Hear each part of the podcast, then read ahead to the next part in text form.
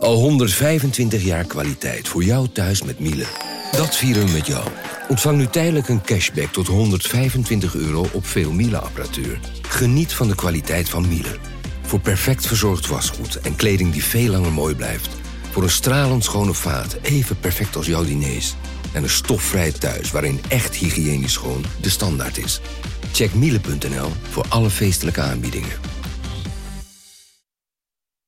Ik ben al jaren ondernemer, maar waar moet ik eigenlijk allemaal aan denken nu ik voor het eerst personeel wil aannemen, voor het eerst ga importeren of voor het eerst een bedrijfslocatie zoek? Weet wat je wel of niet moet doen bij zaken die je voor het eerst oppakt. Check kvk.nl voor praktische stappenplannen. KVK, hou vast voor ondernemers.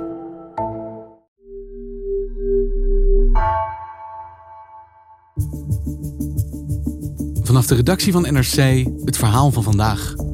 Mijn naam is Thomas Ruip.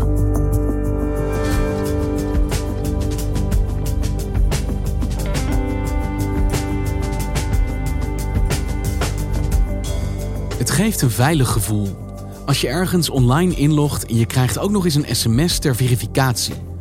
Maar cybercriminelen gebruiken mobiele nummers juist om bij digitale accounts binnen te dringen en ze over te nemen, ziet tech-redacteur Mark Heijink.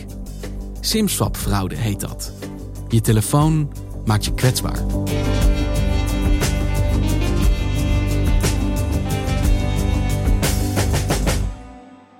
Het is dinsdag 2 februari. Iemand met de naam Sven die meldt zich bij de T-Mobile chatbox op de website. Vier voor half acht 's avonds, hallo, wat kan ik voor je doen? Sven laat weten dat hij zijn simkaart wil activeren. Hij heeft een nieuwe kaart, want zijn oude kaart doet het niet meer. Hoi Sven, ik ga direct voor je aan de slag. Ik pak even je gegevens erbij. Mag ik je achternaam, 06, postcode, huisnummer en geboortedatum? Als hem daarom gevraagd wordt, geeft Sven zijn gegevens op. En om het helemaal zeker te weten, stellen ze ook nog een paar controlevragen. Vanaf welk banknummer incasseren wij maandelijks? En wat was het bedrag van je laatste rekening? Hij geeft het juiste bankrekeningnummer op en op het moment dat hem gevraagd wordt naar zijn eh, abonnement, zegt hij: Ja, ik weet niet precies hoeveel geld er elke maand wordt afgeschreven, maar ik heb het unlimited abonnement van 25 euro. Juist. Mag ik de 19 cijfers van je nieuwe simkaart? Nadat hij de 19 cijfers heeft gegeven, is het gelukt. Zijn nieuwe simkaart is actief. 8 over half acht 's avonds, ik heb goed nieuws voor je. De nieuwe simkaart is actief. Het is gelukt. Ja, de kaart werkt. Goeie service van T-Mobile. Ja, dat zou je zeggen. Alleen eh, deze Sven is niet de echte Sven. Ik ben eh, Sven van der Maten, 27 jaar. De echte Sven is een eh, hele talentvolle keeper die tot vorig jaar bij Telstar keepte. Voetbal nu, ja, dat is het hoogste amateurniveau. Dat heet tweede divisie. We trainen drie avondjes in de week. En hij stapte op diezelfde dinsdag om half tien uit zijn auto, kwam net terug van de voetbaltraining en eh, kwam erachter dat zijn telefoon niet meer werkte. Ik had ineens geen service meer, dus geen 3G, geen 4G. Dus ja, ik dacht dat er gewoon iets van een storing was. Je hebt wel, ja, heel af en toe wel eens dat je netwerk wegvalt of dat je even geen verbinding hebt. Maar het duurde vrij lang. Het kwam niet terug. Keek op zijn scherm en had geen service. Ja, echt nul bereik. En eh, hij liep naar boven naar zijn appartement. En eh, toen klapte hij dus een laptop open. Zag hij allemaal vreemde mededelingen op zijn eh, scherm. Dat er ja, mail binnenkwam die hij helemaal niet kon plaatsen. Binnen een paar minuten druppelde er drie, vier e-mails binnen.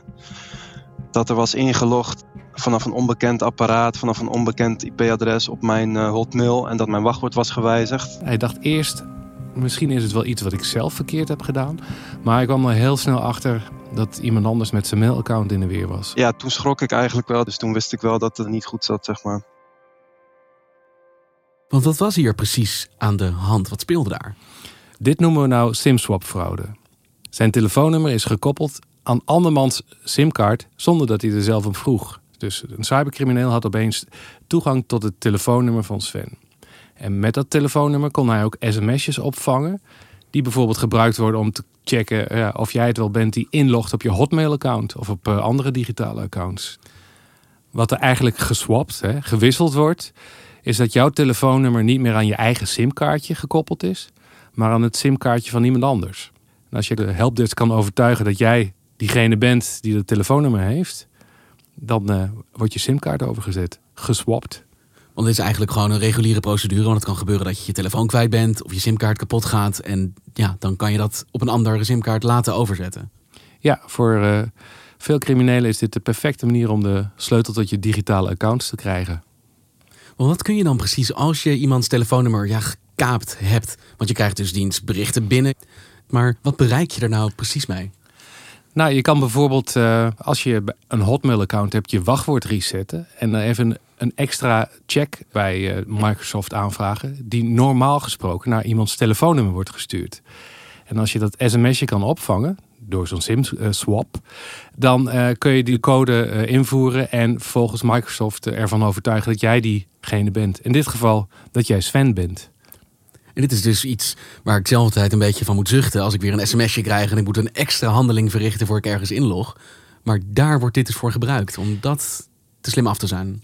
Ja, kijk, uh, zo'n extra check is eigenlijk heel goed om te doen. Want uh, wachtwoorden zijn nog veel erger. Als je alleen maar op een wachtwoord vertrouwt. En het hoeft niet welkom 2020 te zijn. Het kan ook iets uh, ingewikkelders zijn.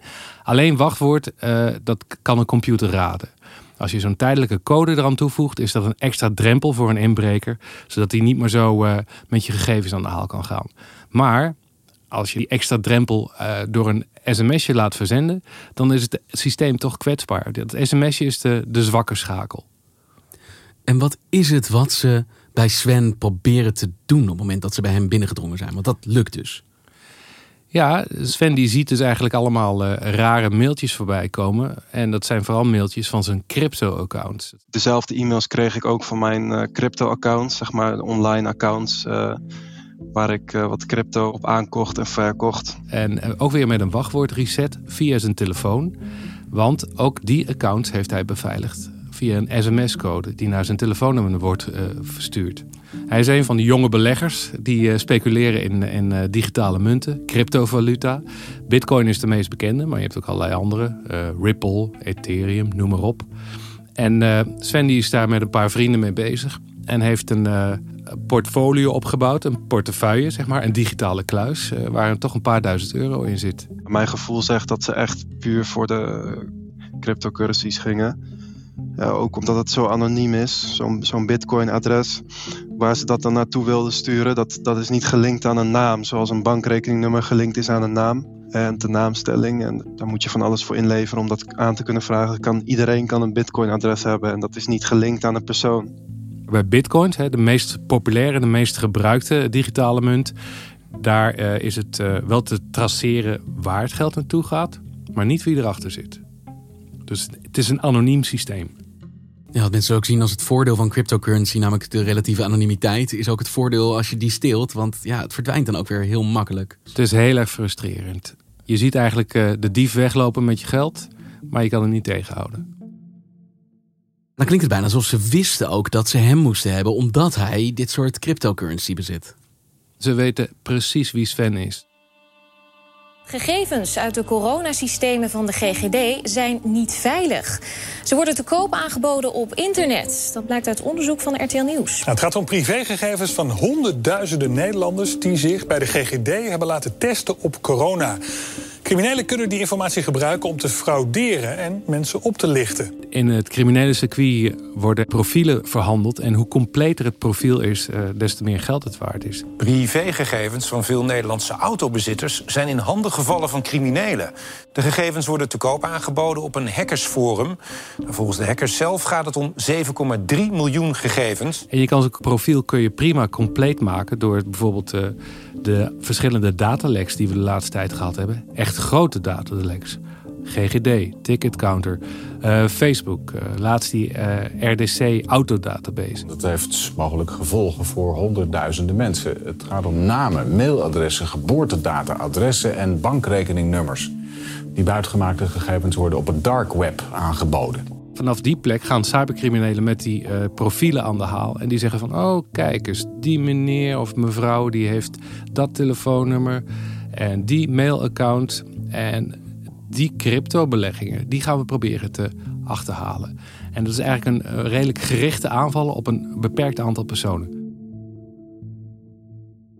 Want het is een hele slimme manier, denk ik, om ja, mensen op te lichten. Of eigenlijk gewoon letterlijk te stelen. Want hebben we enig idee wie de mensen zijn die achter deze vorm van cybercriminaliteit zitten? Want je moet toch best wel wat ook vernuft in huis hebben?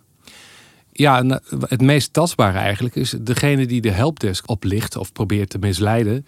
Eh, dat, dat moet iemand, in ieder geval een Nederlands sprekende persoon zijn. En eh, dat moet ook eh, iemand zijn die een beetje sociaal handig is. Die precies weet wat voor soort eh, antwoorden die moet geven. En wat voor soort vragen die, die, die kan verwachten. Ja, ze zijn gewoon geraffineerd. Ze weten wat ze doen. Ik geloof dat de lijnen van T-Mobile sluiten om een uur of acht s'avonds. Precies rond die tijd eh, is het ergens begonnen en ik merkte het rond half negen. Dus je kan geen kant op, want je hebt geen, eh, geen 4G meer.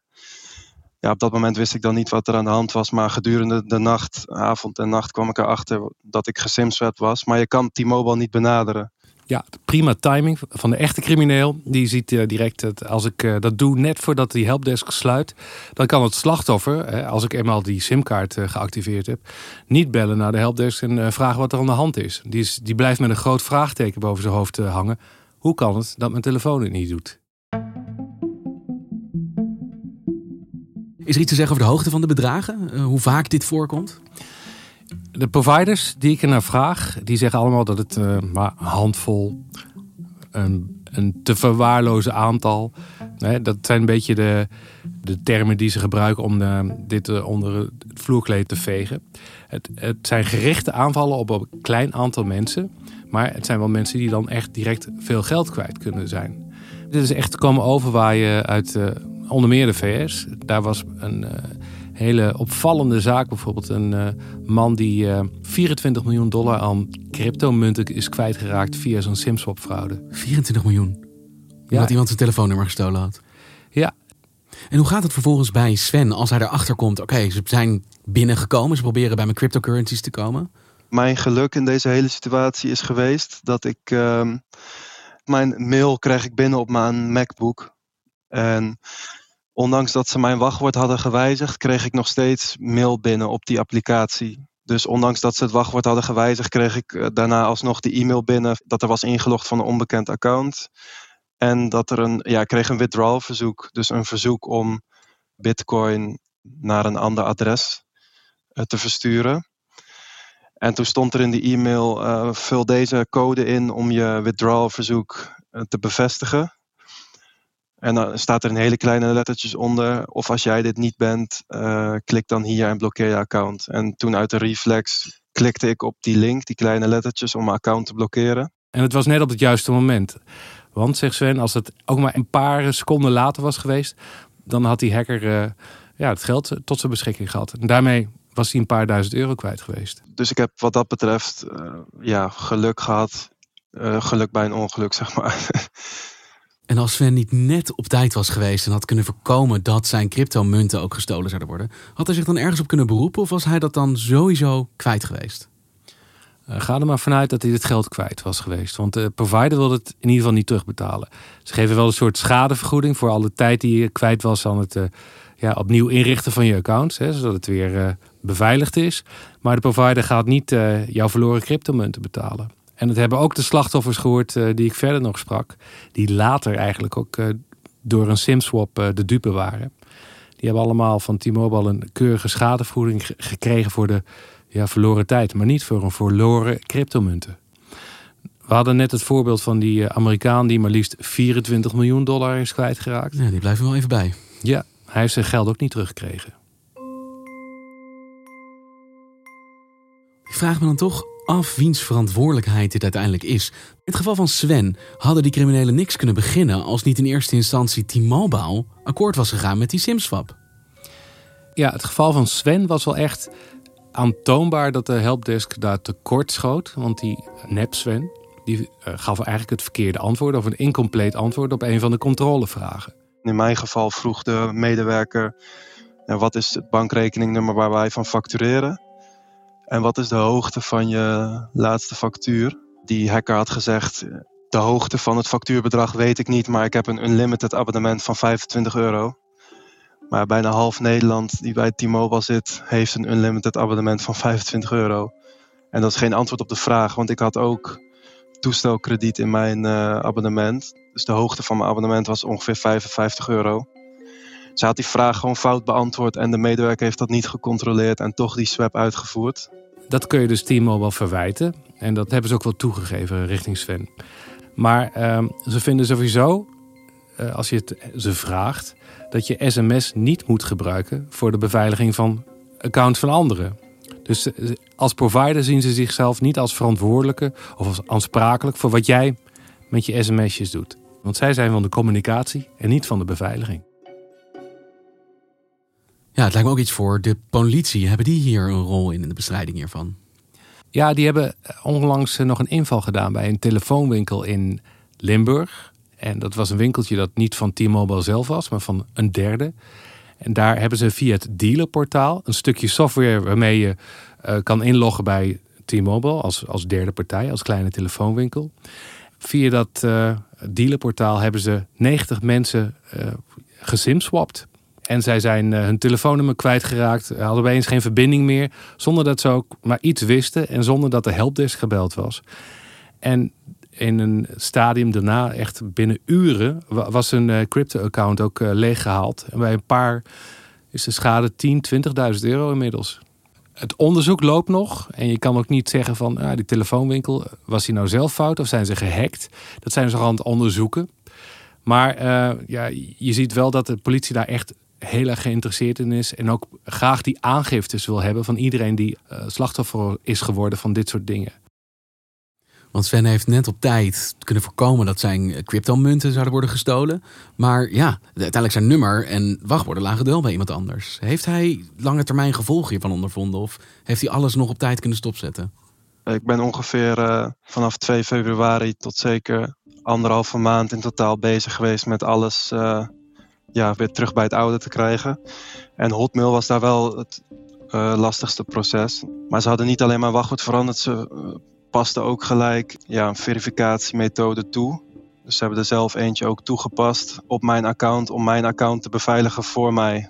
En daardoor heb ik, ben ik maanden, zeker ik denk een maand of anderhalf bezig geweest met Microsoft om mijn account terug te krijgen. Omdat hun dachten dat mijn account gewoon beveiligd was. Maar ja, dat was dus een beveiligingsmethode die ik zelf niet had toegepast, maar de hackers hadden toegepast, zeg maar. Maar de ironie is hier dat de mensen die zijn account gehackt hebben, vervolgens die account veel beter beveiligd hebben, zodat hij eigenlijk niet hetzelfde terug kon doen. Eigenlijk weten die hackers veel beter dan de meeste gebruikers uh, hoe je de spullen moet beveiligen. En natuurlijk ook uh, hoe je het moet omzeilen. Zij waren gewoon gefocust op mijn crypto. Hè? Dus ik kreeg, ze hadden ingebroken in dat Hotmail-account. En de eerste vijf e-mails die ik kreeg hadden allemaal betrekking op mijn crypto-accounts. Maar ja, ik, heb dat Hotmail-account vanaf mijn veertiende. Dus dat account staat 13 jaar e-mail in. Alles wat ik online doe is verbonden aan dat Hotmail-account. Wat je daarin kan vinden, als je dat echt uit gaat pluizen, dan gaat het nog wel een stukje verder dan alleen crypto uh, bestelen, zeg maar. Dan, uh, dan kan je heel wat meer schade aanrichten. Maar ja, daar waren deze mensen vooralsnog niet op uit. Daar heb ik nog niks van gezien. We begonnen deze aflevering met spreken over die twee-staps verificatie. En ik dacht meteen, oh, zo irritant. Dan krijg je ook nog zo'n extra sms. Toen dacht ik, nee, het is eigenlijk wel geruststellend. Maar nu denk ik, dit is lang niet genoeg. Wat zou ik moeten doen om me beter te laten beveiligen? Want ik moet zeggen dat ik nu ook mijn eigen wachtwoord een beetje afgaan. Toch een beetje begin te zweten. Ik uh, ben zelf, ik zal het eerlijk toegeven, ook uh, naar aanleiding van het verhaal van Sven weer bij al mijn accounts nagegaan. Waar heb ik sms aan gekoppeld en wat kan ik vervangen door een Authenticator app? Dat is eigenlijk een appje van Google of van Microsoft. Het kost niks, je zet het op je telefoon het genereert een tijdelijke code. En die doet eigenlijk precies hetzelfde als zo'n sms'je. Maar het zit op een ding dat je zelf vasthoudt, dat je zelf in beheer hebt en dat niet afhankelijk is van iets wat door de provider verstuurd wordt. En dat maakt het gewoon minder kwetsbaar uh, voor misbruik. Dus uh, ik ben er een middagje mee bezig geweest, maar uh, nou, ik slaap toch een stukje beter. voor zolang het duurt, hè? Voor zolang het duurt. Kijk, nu heb ik alles maximaal beveiligd. Dus elk account wat ik maar heb, ook al is het bij wijze van spreken je bol.com account of iets dergelijks. Ja, dat zo argwanend was ik voorheen niet. Of argwanend zo scherp was ik voorheen niet. Ik beloof je dat ik dit ook ga doen. En dat is hier de boodschap. Zorg dat je niet afhankelijk bent van je simkaart. Ja, dat is een hele wijze les. Ik beloof het. Dankjewel, Mark. Graag gedaan.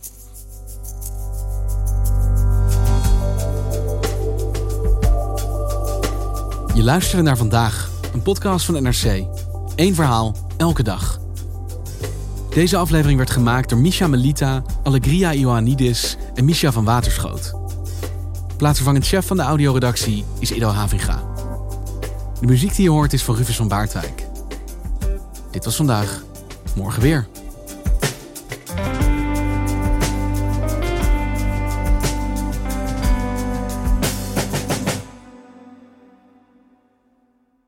Technologie lijkt tegenwoordig het antwoord op iedere uitdaging. Bij PwC zien we dit anders. Als we de potentie van technologie willen benutten, kunnen we niet zonder een menselijk perspectief. Human-led, tech-powered noemen we dat. Ga naar pwc.nl.